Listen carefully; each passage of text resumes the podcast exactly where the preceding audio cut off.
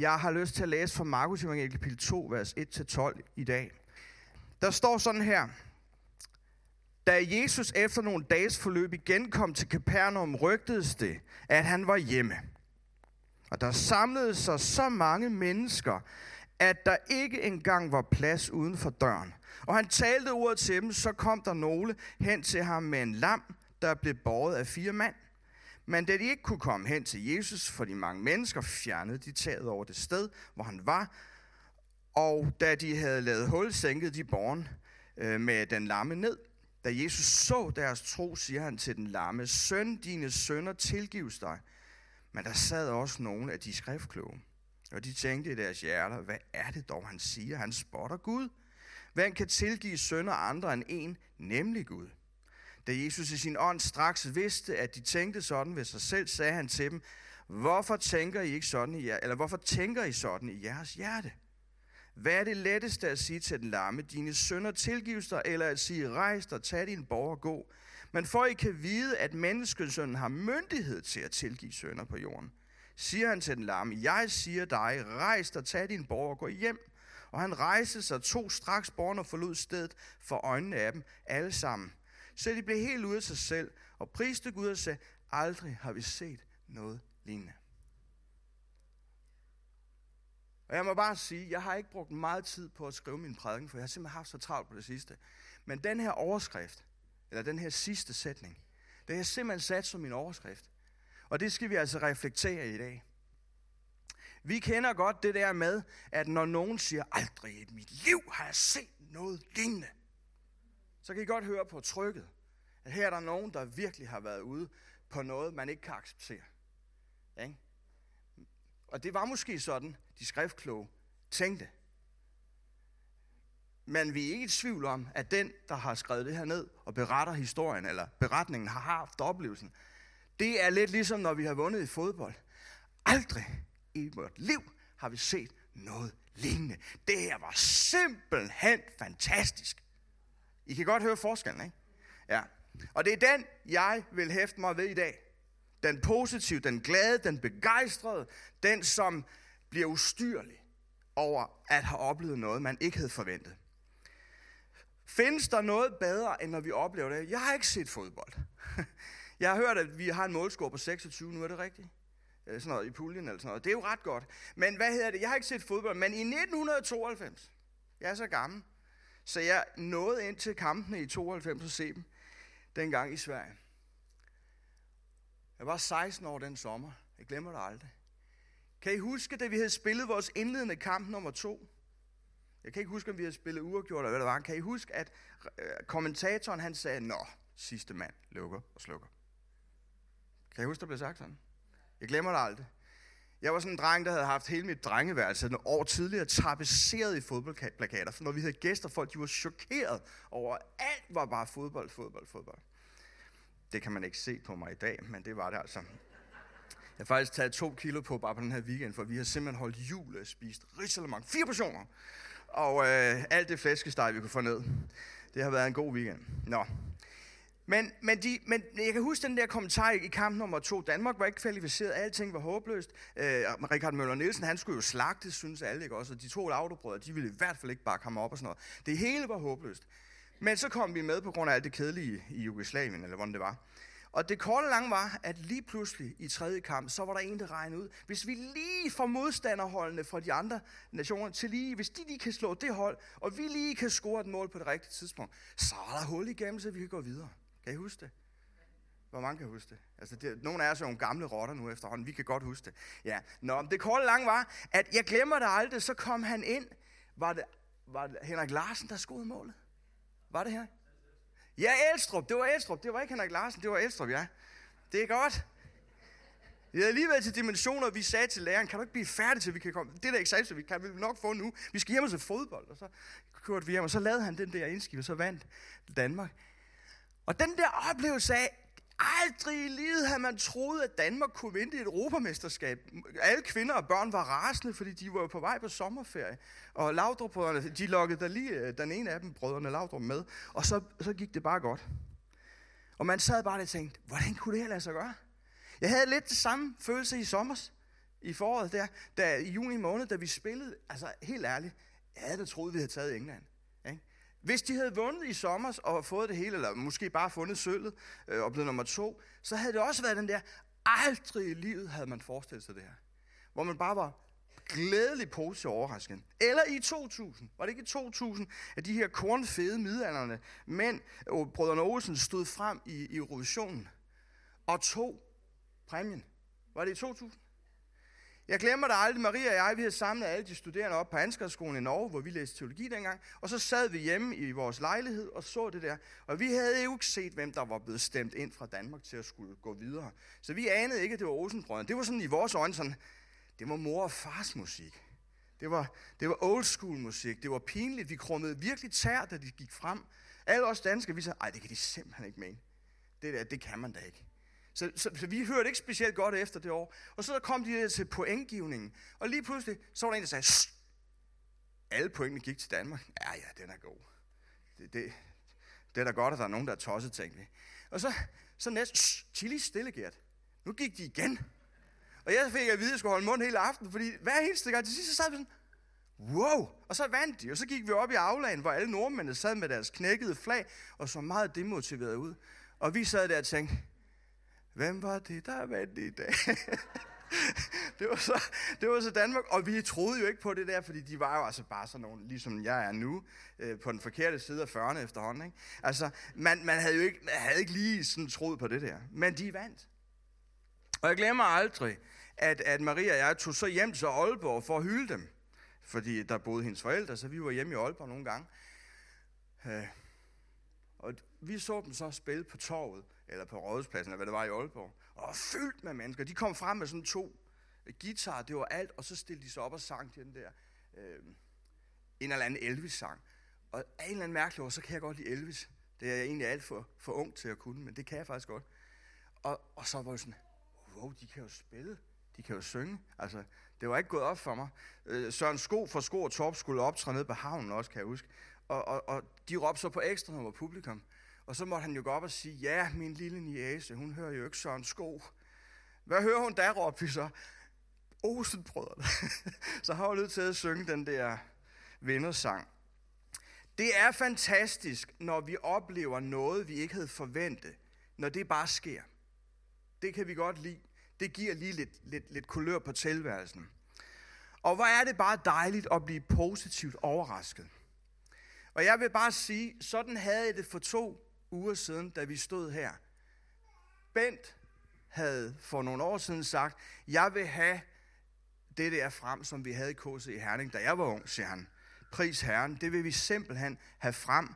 Og han havde tikket om det i nogle år og sagt, skal vi ikke lave det? Og jeg må bare sige, Bent, jeg har nok haft det sådan med det, at det kan vi da godt prøve. Kan I godt høre? Begejstringen er ikke overvældende, vel? Øh, men det kan vi da godt prøve. Øh, og så forestillede jeg mig jo, at vi kunne sidde sådan i 50 plus, måske 60 plus årgangen, inde i baglokalet herinde, hvor børnene skulle ellers være, hvis ikke de var ude i dag, og så sunget nogle sange med en lille forkølet bålgitar, og så havde vi da haft en hyggelig aften. Ikke? Bent, jeg må bare bekende, det var, det var, det var sådan, jeg havde det. Jeg tænkte, det, det kan vi da godt gøre. Ikke? Altså, vi laver jo så mange ting. Ikke? Så lad os da bare gøre det.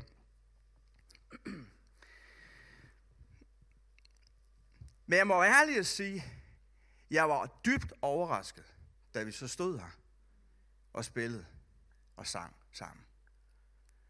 Og jeg var virkelig overrasket, fordi at, at da, da vi havde fået lagt datoen, og vi skulle til at kommunikere ud til mænd, så tog jeg lige telefonen og tænkte, ah, jeg må have nogen til, der kan de der sange der. Bent havde sagt, jeg havde sagt, hvem skal indlede lovsangen? Jamen, det kan du gøre, Gert. Nå, okay, jamen, det kan jeg vel godt. Hvad, hvad skal vi synge? Jamen, halleluja, du bor i mig. Kan du dem? Ja, det var de første lovsange, jeg kendte, da jeg var, var ung. Øh, så det var sådan noget, sådan virkelig 80'er, øh, slutningen af 80'erne. Nu kendte jeg tilfældigvis Vestermarkskirkens lovsangsgruppe, fordi de er rigtig gode på at synge lovsang fra 80'erne. Så jeg spurgte dem, ville de komme? Og så lavede vi en flyer og lagde dem op, og jeg må bare være ærlig og sige, jeg tænkte stadigvæk og havde sagt til dem, vi skal bare spille ind i et baglokale. Det bliver nok kun gamle mennesker, der kommer. Altså, ligesom os selv, ikke? Altså os, der, ja, ja. Må jo lige være lidt lojal, ikke? Nå, men, men da den kom op, så kunne jeg godt fornemme, at her var vi ved at ramme noget, vi slet, jeg havde slet ikke forventet. Bent har hele tiden troet det. Bent har hele tiden sagt, hvis vi laver pris herreaftener, så vil det komme mange mennesker, det vil blive stærkt. Vi skal have nogle møder, hvor folk kan øh, åbne, have åbne mikrofoner og fortælle deres vidnesbyrder, og hvor vi kan bede med hinanden, og vi kan synge i ånden. Alle de der ting, som var en selvfølge, da jeg var barn. Ikke? Men som overhovedet ikke er så velkendt i danske frikirker mere. Ikke engang i pinsekirker. Vi har det stadigvæk her i meningen. Det kunne vi mærke, da vi sang råb til en Gud. Kunne vi mærke, kunne vi mærke salen? Det der med, at man ikke skal stå, hvad betyder det, hvad, hvad var det lige? Men man bare synger med sin ånd, fordi man ved bare lige nøjagtigt, hvad sjælen den, øh, har lyst til at sige. Ikke også? Det er så dejligt, når vi kan mærke bredden synge. Det er et kæphest for mig. Jeg blev ringet op af en mand fra Bornholm på 85, der overvejede at starte bilen og køre lillemor herover. Fordi han savnede at synge lovsang, han kunne forholde sig til. Så er man, altså, så er man klar over, at hov, her har vi ramt noget. Morten blev ved med at sige, Morten Patelik, pastoren her i kirken, han blev ved med at sige, at I skal tænke større, end I selv gør.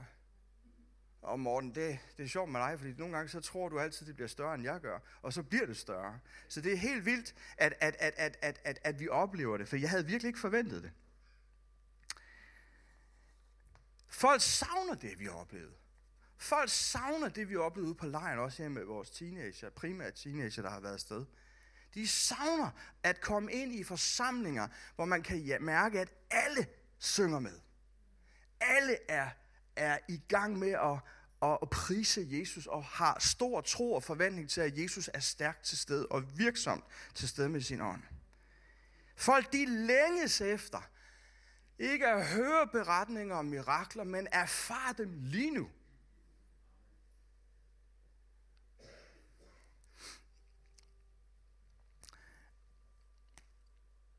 Og så tror jeg også, at vi længes efter som kristne at møde nogle af de andre, der også tror på Gud, end vores egne.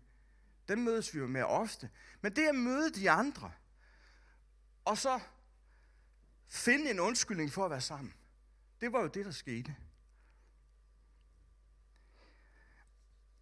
Noget af det, jeg hæfter mig ved i den her tekst, jeg lige har læst, det er, at der står, da Jesus efter nogle dages forløb igen kom til Capernaum. Der står igen.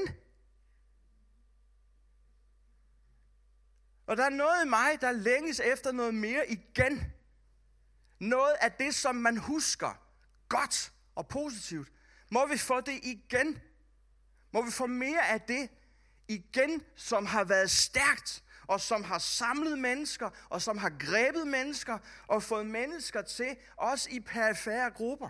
For der i alle fællesskaber er der mennesker, der er, hænger meget løst med i periferien. Men når der er noget igen, og man så kommer ind, så kan det være lige det, der skal til for, at det, der ligger perifært i enhver forsamling, det, øh, det tændes på ny eller måske for alvor kommer igennem og bryder, bryder ind og finder Jesus. Der står, at, at han igen kom. Og fordi han kom igen, så rygtedes det. Det var, det var ikke nødvendigt at slå på tromme, fordi det rygtedes, det løb fra mund til mund. Jesus er her igen. Det er fantastisk, når noget det spreder sig som en steppebrand, hvor man bare ved, her behøves vi egentlig ikke at gøre ret meget. Det, det, det, det, det, det løber af sig selv. Bolden ruller, og den bliver stor. Og, og mennesker, de vil bare være med. Det rygtedes, at han kom igen.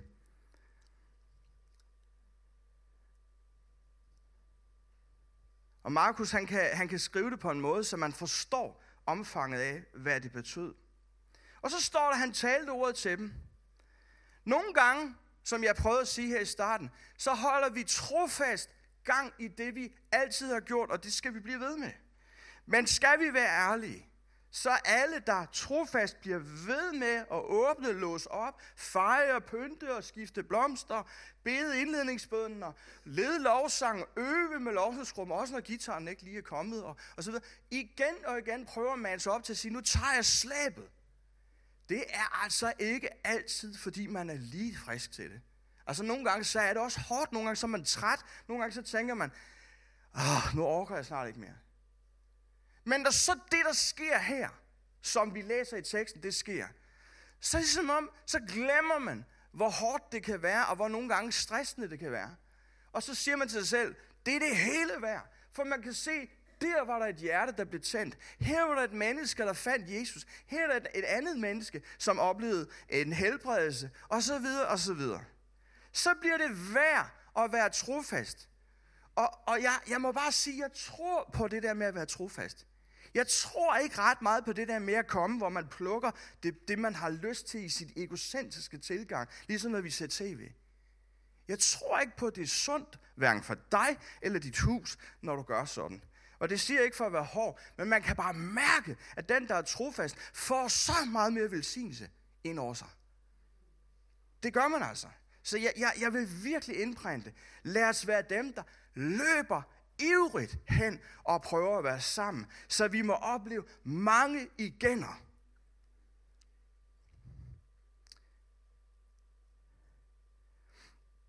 Der står, at mennesker stemlede sig sammen uden for døren. Der var så mange, at man ikke kunne komme ind. Hold op. Forestil jer, at når kristne samles, ud over den ganske kirke på vores jord, forestil jer, hvis det blev sådan i mange lande og byer, at det var proppet med mennesker. Man kan næsten ikke forestille sig det. Men forestiller, at det var det, der skete. Det har selvfølgelig været specielt, når Markus skriver det ned, men det var sådan, det var. Vi ved jo godt, når, når, når noget godt sker, når noget sker, som ingen har regnet med, så, så vil mange have fat i det. Og, øh, og, og så, så bliver alle gangene, hvor kirke og kristen fællesskab har været et tålmodighedsprojekt, så, så bliver det til et glædesprojekt. Det nyttede noget. Det er klart, da jeg kørte hjem i nat, jeg må bare indrømme, jeg har ikke sovet ret meget, for jeg har simpelthen været så lykkelig glad for at se, hvad der skete på vores weekend. I så mig for to måneder siden sammen med Philip være meget ærlig på et pulsmøde, hvad jeg sagde. Jeg synes virkelig, det er tungt at lave ungdomsarbejde på høj. Og det vil bare sige, det er ikke nemt at lave ungdomsarbejde på høj. Det er det sværeste sted i Danmark, jeg har prøvet at lave ungdomsarbejde. Det er det. Det har noget at gøre med, hvor vi ligger som kirke. Det har noget at gøre med, hvordan vores, vores familier, i, i, altså mange af os kører jo langt. Ikke også? Så, så det er bare ikke så nemt at få sammenhængskraft på unge her i menigheden. For hvis ikke mor og far hele tiden tænder bilen og lægger bagsædet ned og fylder op, så er der rigtig meget, vores unge kommer til at gå glip af og ikke får sammen. Hvorimod os, der har været vant til at kunne cykle hen i kirken, vi var der i løbet af tankens himmelflugt, så var vi derovre.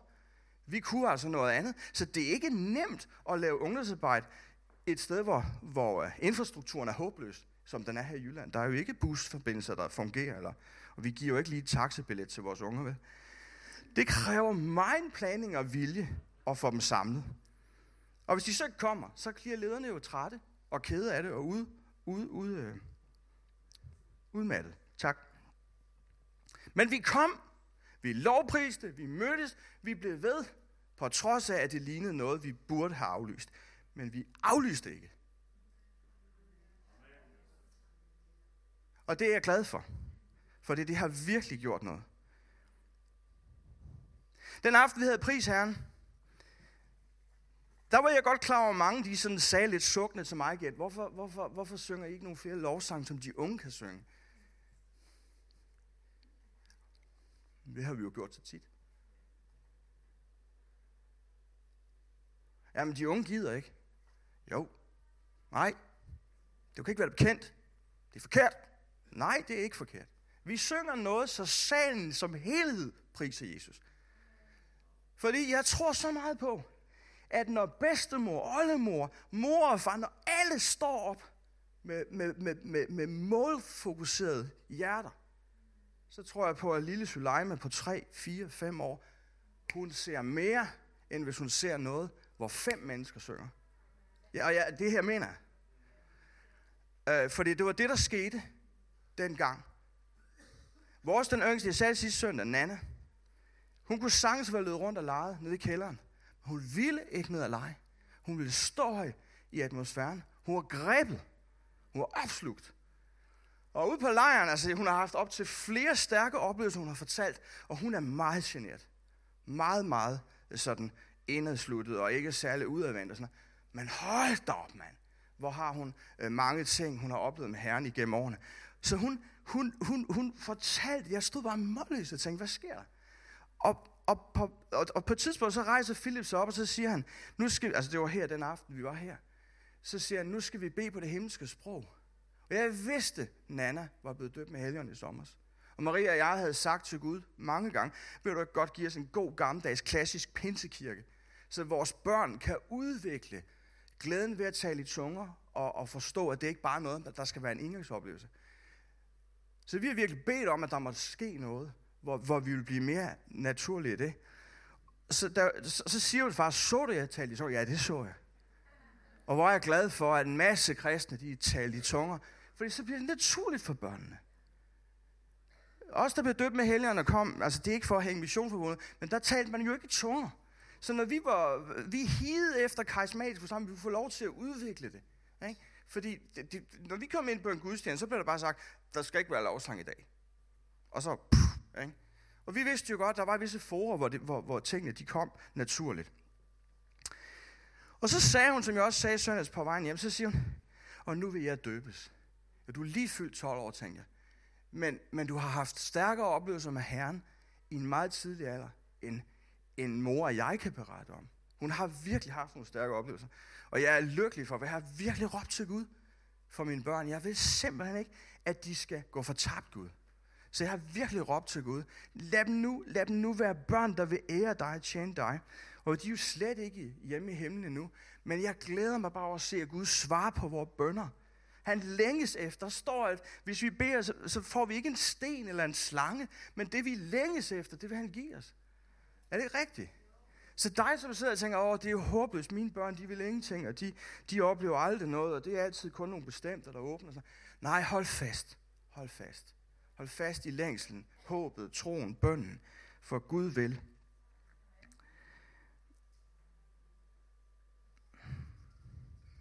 Bent fortalte mig, et par dage efter vi havde haft pris herren, han havde været i Rema 1000. Det må have været i Brande. Og der var, var jo op til flere i salen den aften, som var, som jo ikke var bekendte kristne. Og en havde råbt over køledisken til Bent, hvornår er der pris herren næste gang? Og det var altså en, som virkelig forbandt med at være et kristen menneske. Det skal jeg ikke kunne udtale mig om, men, men vi var ikke sådan lige. Jeg så en kvinde her i salen, som jeg ofte har mødt, når der har været sang og musik i, i, i kirkelivet her omkring. Hun har været inde i en stor krise. Hun kom ivrigt op og sagde, den og den og den så du dem Så sagde jeg, de er jo ikke kristne, men de var Og jeg bare tænkte, wow, når vi priser Jesus, og vi træder ind i alt det, som jeg vil kalde det karismatiske blandt os, tegn og under, mirakler og alle de der ting, så stemmer folk til. Og de længes efter det igen. Og vi kan jo også se på vores gudstjenester, at når der har været et igen, hvor der har været hul igennem, så kan vi jo se det og mærke det på gudstjenesterne. Så lad os, lad os længes efter, at nogle flere som Bent holder fast ved det, de står i tro for. Og Bent havde set i et syn eller en drøm, hvad der skulle ske. Jeg havde bare sagt, det er godt, Bent. Jeg har hørt så meget igennem årene. Ikke? Men øh, jamen, det er altså ikke for at nedgøre det. Det er bare for at være sige, jeg er bare sådan en almindelig, ordinær kristen, ikke? som bare har været trofast og måske ikke altid forventer for meget, fordi jeg er blevet skuffet tit. Men det var bare så dejligt, at det, at det endte, som det endte på den gode måde. Og så ser jeg, nu vil du nogen sige, at den her tekst har du talt over før. Ja, det har jeg. Men den åbner sig bare på ny, efter det vi oplever i øjeblikket for mig. Derfor taler jeg ud fra teksten og de linjer, jeg læser igen.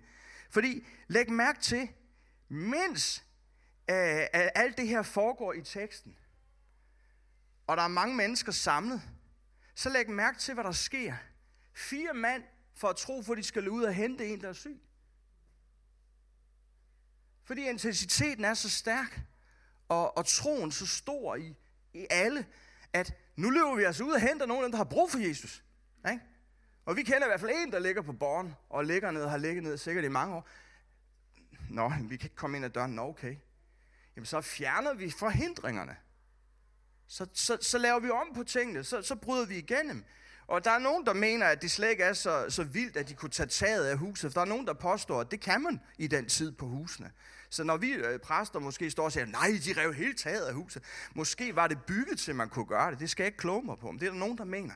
Men, men stadigvæk, hvis man er midt i en forkyndelse, og der er nogen, der ligesom afbryder en prædikant, det kræver et vist mod.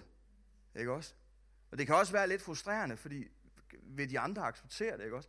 Men, men her var der altså nogen, der var så ivrige, så de afbrød talen. Og så firede de problemet, som skulle løses, ned foran Jesus. Og hvad står der? Da Jesus så deres tro, ikke? så havde han da masser af tid. Så havde han da masser af tid til at tage sig af det her menneske. De lod altså ikke noget være en hindring. De, de løb ivrigt ud for at hente. Og det menneske blev tilgivet først og fremmest for sin søn, og det, der adskilte ham med Gud. Jeg glemmer aldrig en aften, vi havde en kontroversiel forkynder på besøg, der var i Grænsted. Vi havde sådan et grow-møde, og det var på det tidspunkt, jeg var ungdomsleder i Grænsted for nogle år siden i en femårig periode. Og de første tre år, det var sådan en, en meget dejlig tid, hvor det hele det, det gik rigtig godt, og alle ville være med, og øh, vi, vi behøvede næsten ikke at, at råbe på folk. De kom helt af sig selv. Vi behøvede ikke at, at, at tænde for bønnetårnet, han har sagt. De, de, de var der bare. Og de ville bare være med, og alle ville have indflydelse at være med. Det var jo lækkert for en ungdomspræst.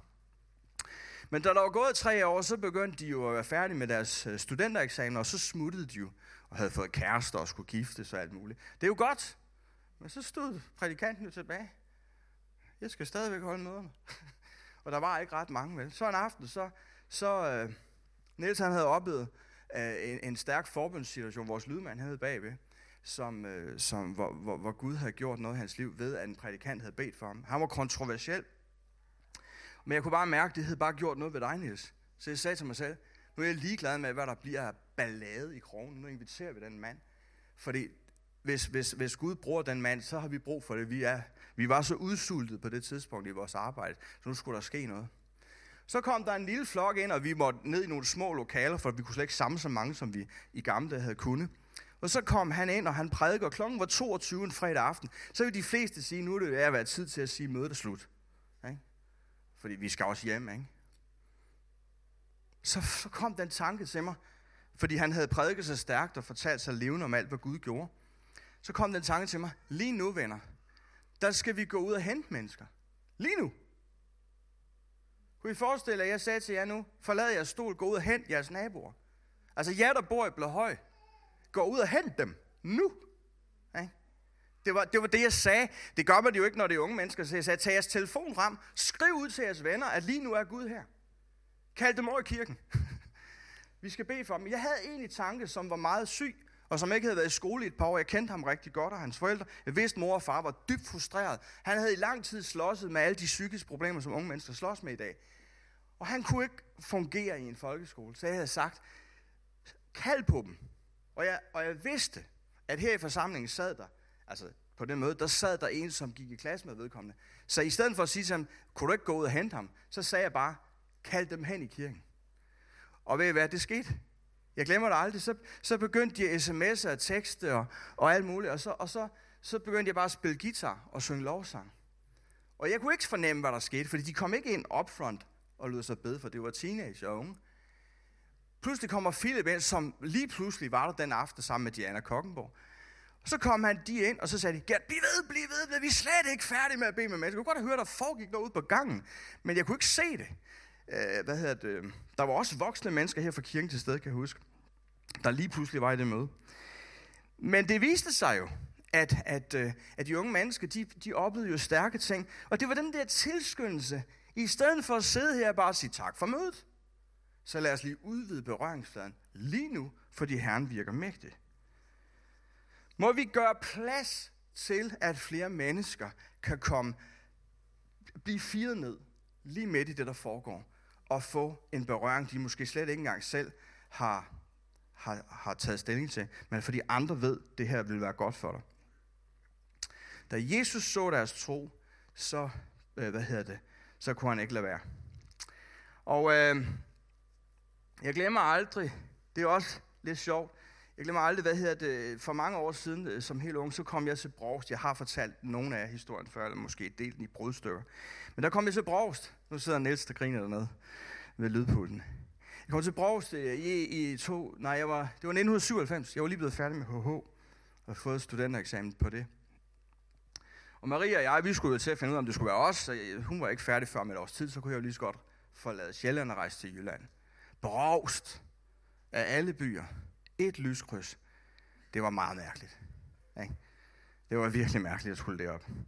Niels, som kommer her med sammen med sin familie med nu, øh, gift med Katrine, som vi har jo bedt meget for med kraftsygdom og alt det her.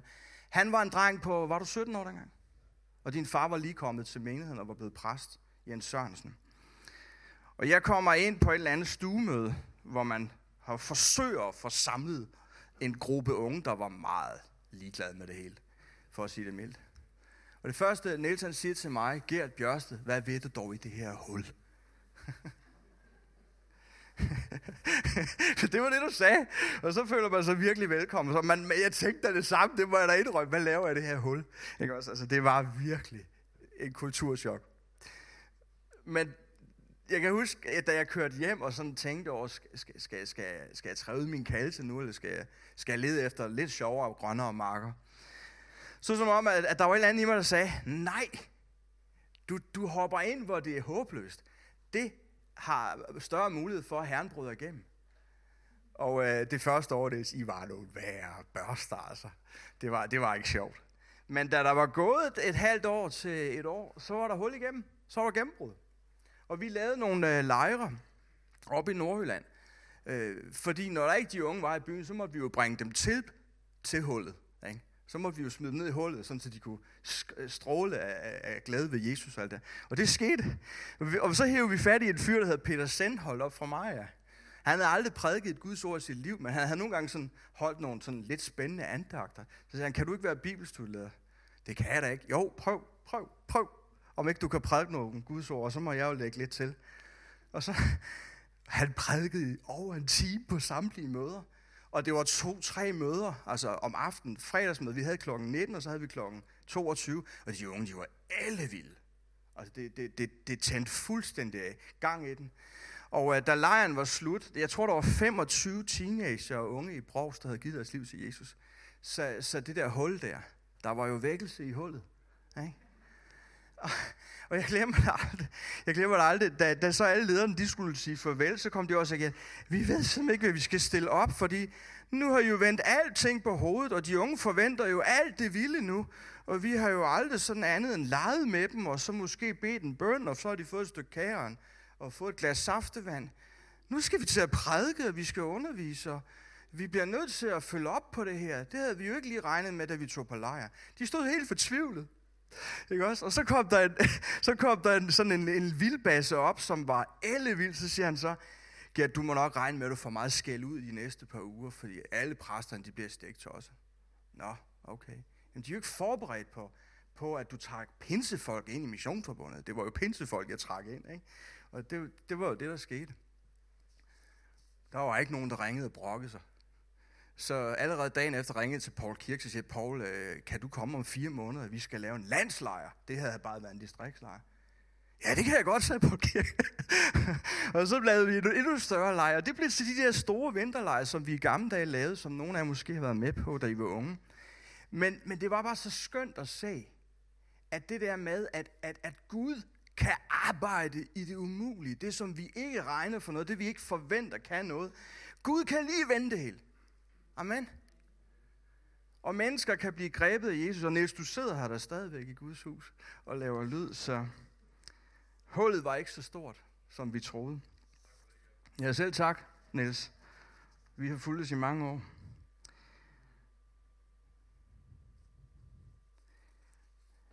Jesus siger øh, til den øh, mand, som bliver fjernet fra hans fødder, at han skal rejse sig. Og det ord vil jeg også reflektere, inden jeg slutter. Skal vi ikke rejse os? Ikke nu, ude ved stolene. Men skal, vi ikke, men skal vi ikke rejse os og kæmpe for at se, at tingene sker? Og ikke bare snakke om dem og ærge os over, at det ikke sker, men tro på, at det sker. Skal vi ikke rejse os? Velvidende, og det viser teksten jo, at der også er mennesker, der brokker sig, og ikke kan forstå det teologisk, og de synes ikke, det giver mening, det der lige får. Skal vi ikke rejse os på trods af, at der også er, er ævl og kævl iblandt os trosfolk nogle gange? Det er der, men skal vi ikke rejse os alligevel?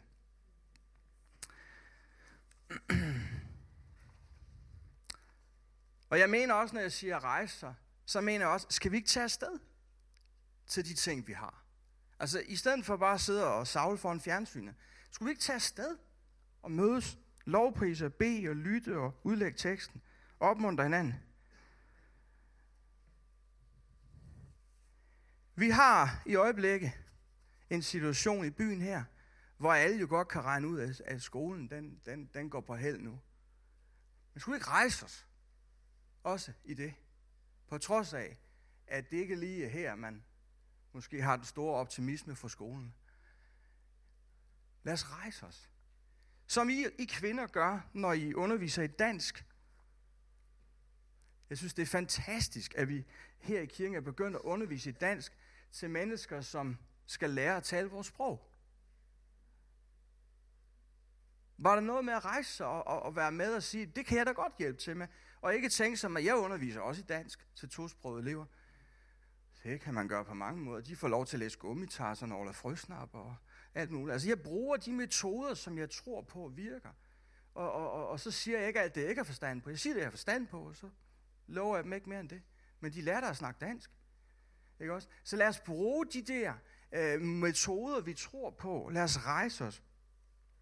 Og jeg tænker på, hvis vi kigger fem år frem som kirke, kunne vi så forestille os, at vi var en kirke, hvor vi havde mange offentlige samlinger, hvor folk ikke kunne komme ind ad døren, fordi alle ville ind. Kunne det ikke være dejligt? Jeg ved godt, jeg er typen, der altid siger det. Det ved jeg godt, at det er typisk dig, at sige det. Men, men lad os fylde alt, hvad der fyldes kan. Og lad os, når det ser håbløst ud, og jeg jammer ofte, det ved I godt, men lad os alligevel sige til hinanden, der kommer nye dage, hvor, hvor vinden den, øh, den blæser kraftigt i, i, i sejlene. Og, og, og, og jeg tror på, at jo mere vi oplever atmosfæren, når vi er sammen, glæden og begejstringen, og vi med hele hjertet priser Gud, jeg tror, at det smitter, og det smitter, og det smitter. Skal vi rejse os op? Nu rejser sig. ja.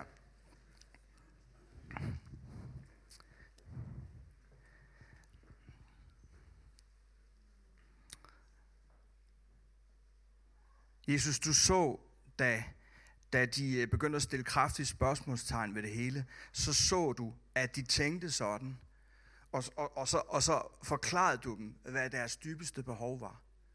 Det var at være tilgivet. At denne mands behov for dig i sit liv, det var det vigtigste. Og så fik han også helbredelsen og kunne gå hjem som en rask mand. Herre, du ser, hvad vi tænker. Du kender vores tanker. Du ved både, når vi tænker godt, og når vi tænker øh, skeptisk. Men Herre, minder os om det vigtigste. At mennesker skal møde dig. Mennesker skal, have, øh, skal renses i dig. Mind os om det her. Og, og så udfordrer os til at rejse os her. Og hjælp os til at, at være villige til at, at, rejse os og gå videre.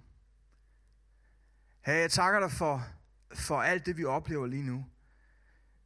Tak for Bens trofasthed, også i forbindelse med de her prisherren, som vi tror på vil være noget, der vil møde mange behov i vort land, også i blandt kristne, men også ikke-kristne, så vi. Tak for, det må blive til meget stor velsignelse. Og må, må Bent for hans, øh, hans øh, hvad hedder det, trofasthed det her, også opleve at mærke din ledelse ind i det her. Og vi andre, der så hopper ind og hjælper til, tak for velsignelsen her. Tak for velsignelsen. Tak for vores børn, som bliver velsignet. Og må vi blive meget, meget stærkt beriget af at lovprise dig. Så takker dig for alle vores børn, som er ude på lejren lige nu.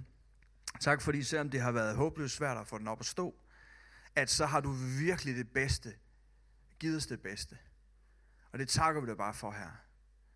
Og her, vi, vi, vi råber til dig, om at mange mennesker skal, skal møde dig. At mange mennesker skal, skal, skal vågne for dig.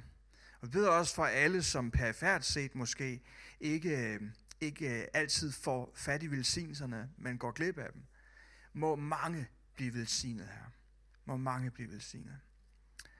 Så tak fordi du samler os, og tak fordi du hjælper os at stemme sammen.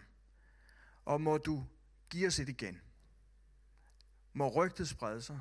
Må et igen være noget, der sker ofte, også iblandt os.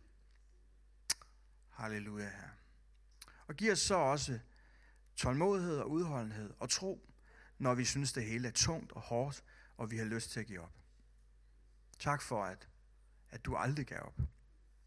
Må vi lære af det. Halleluja. Amen. Gud vil jer.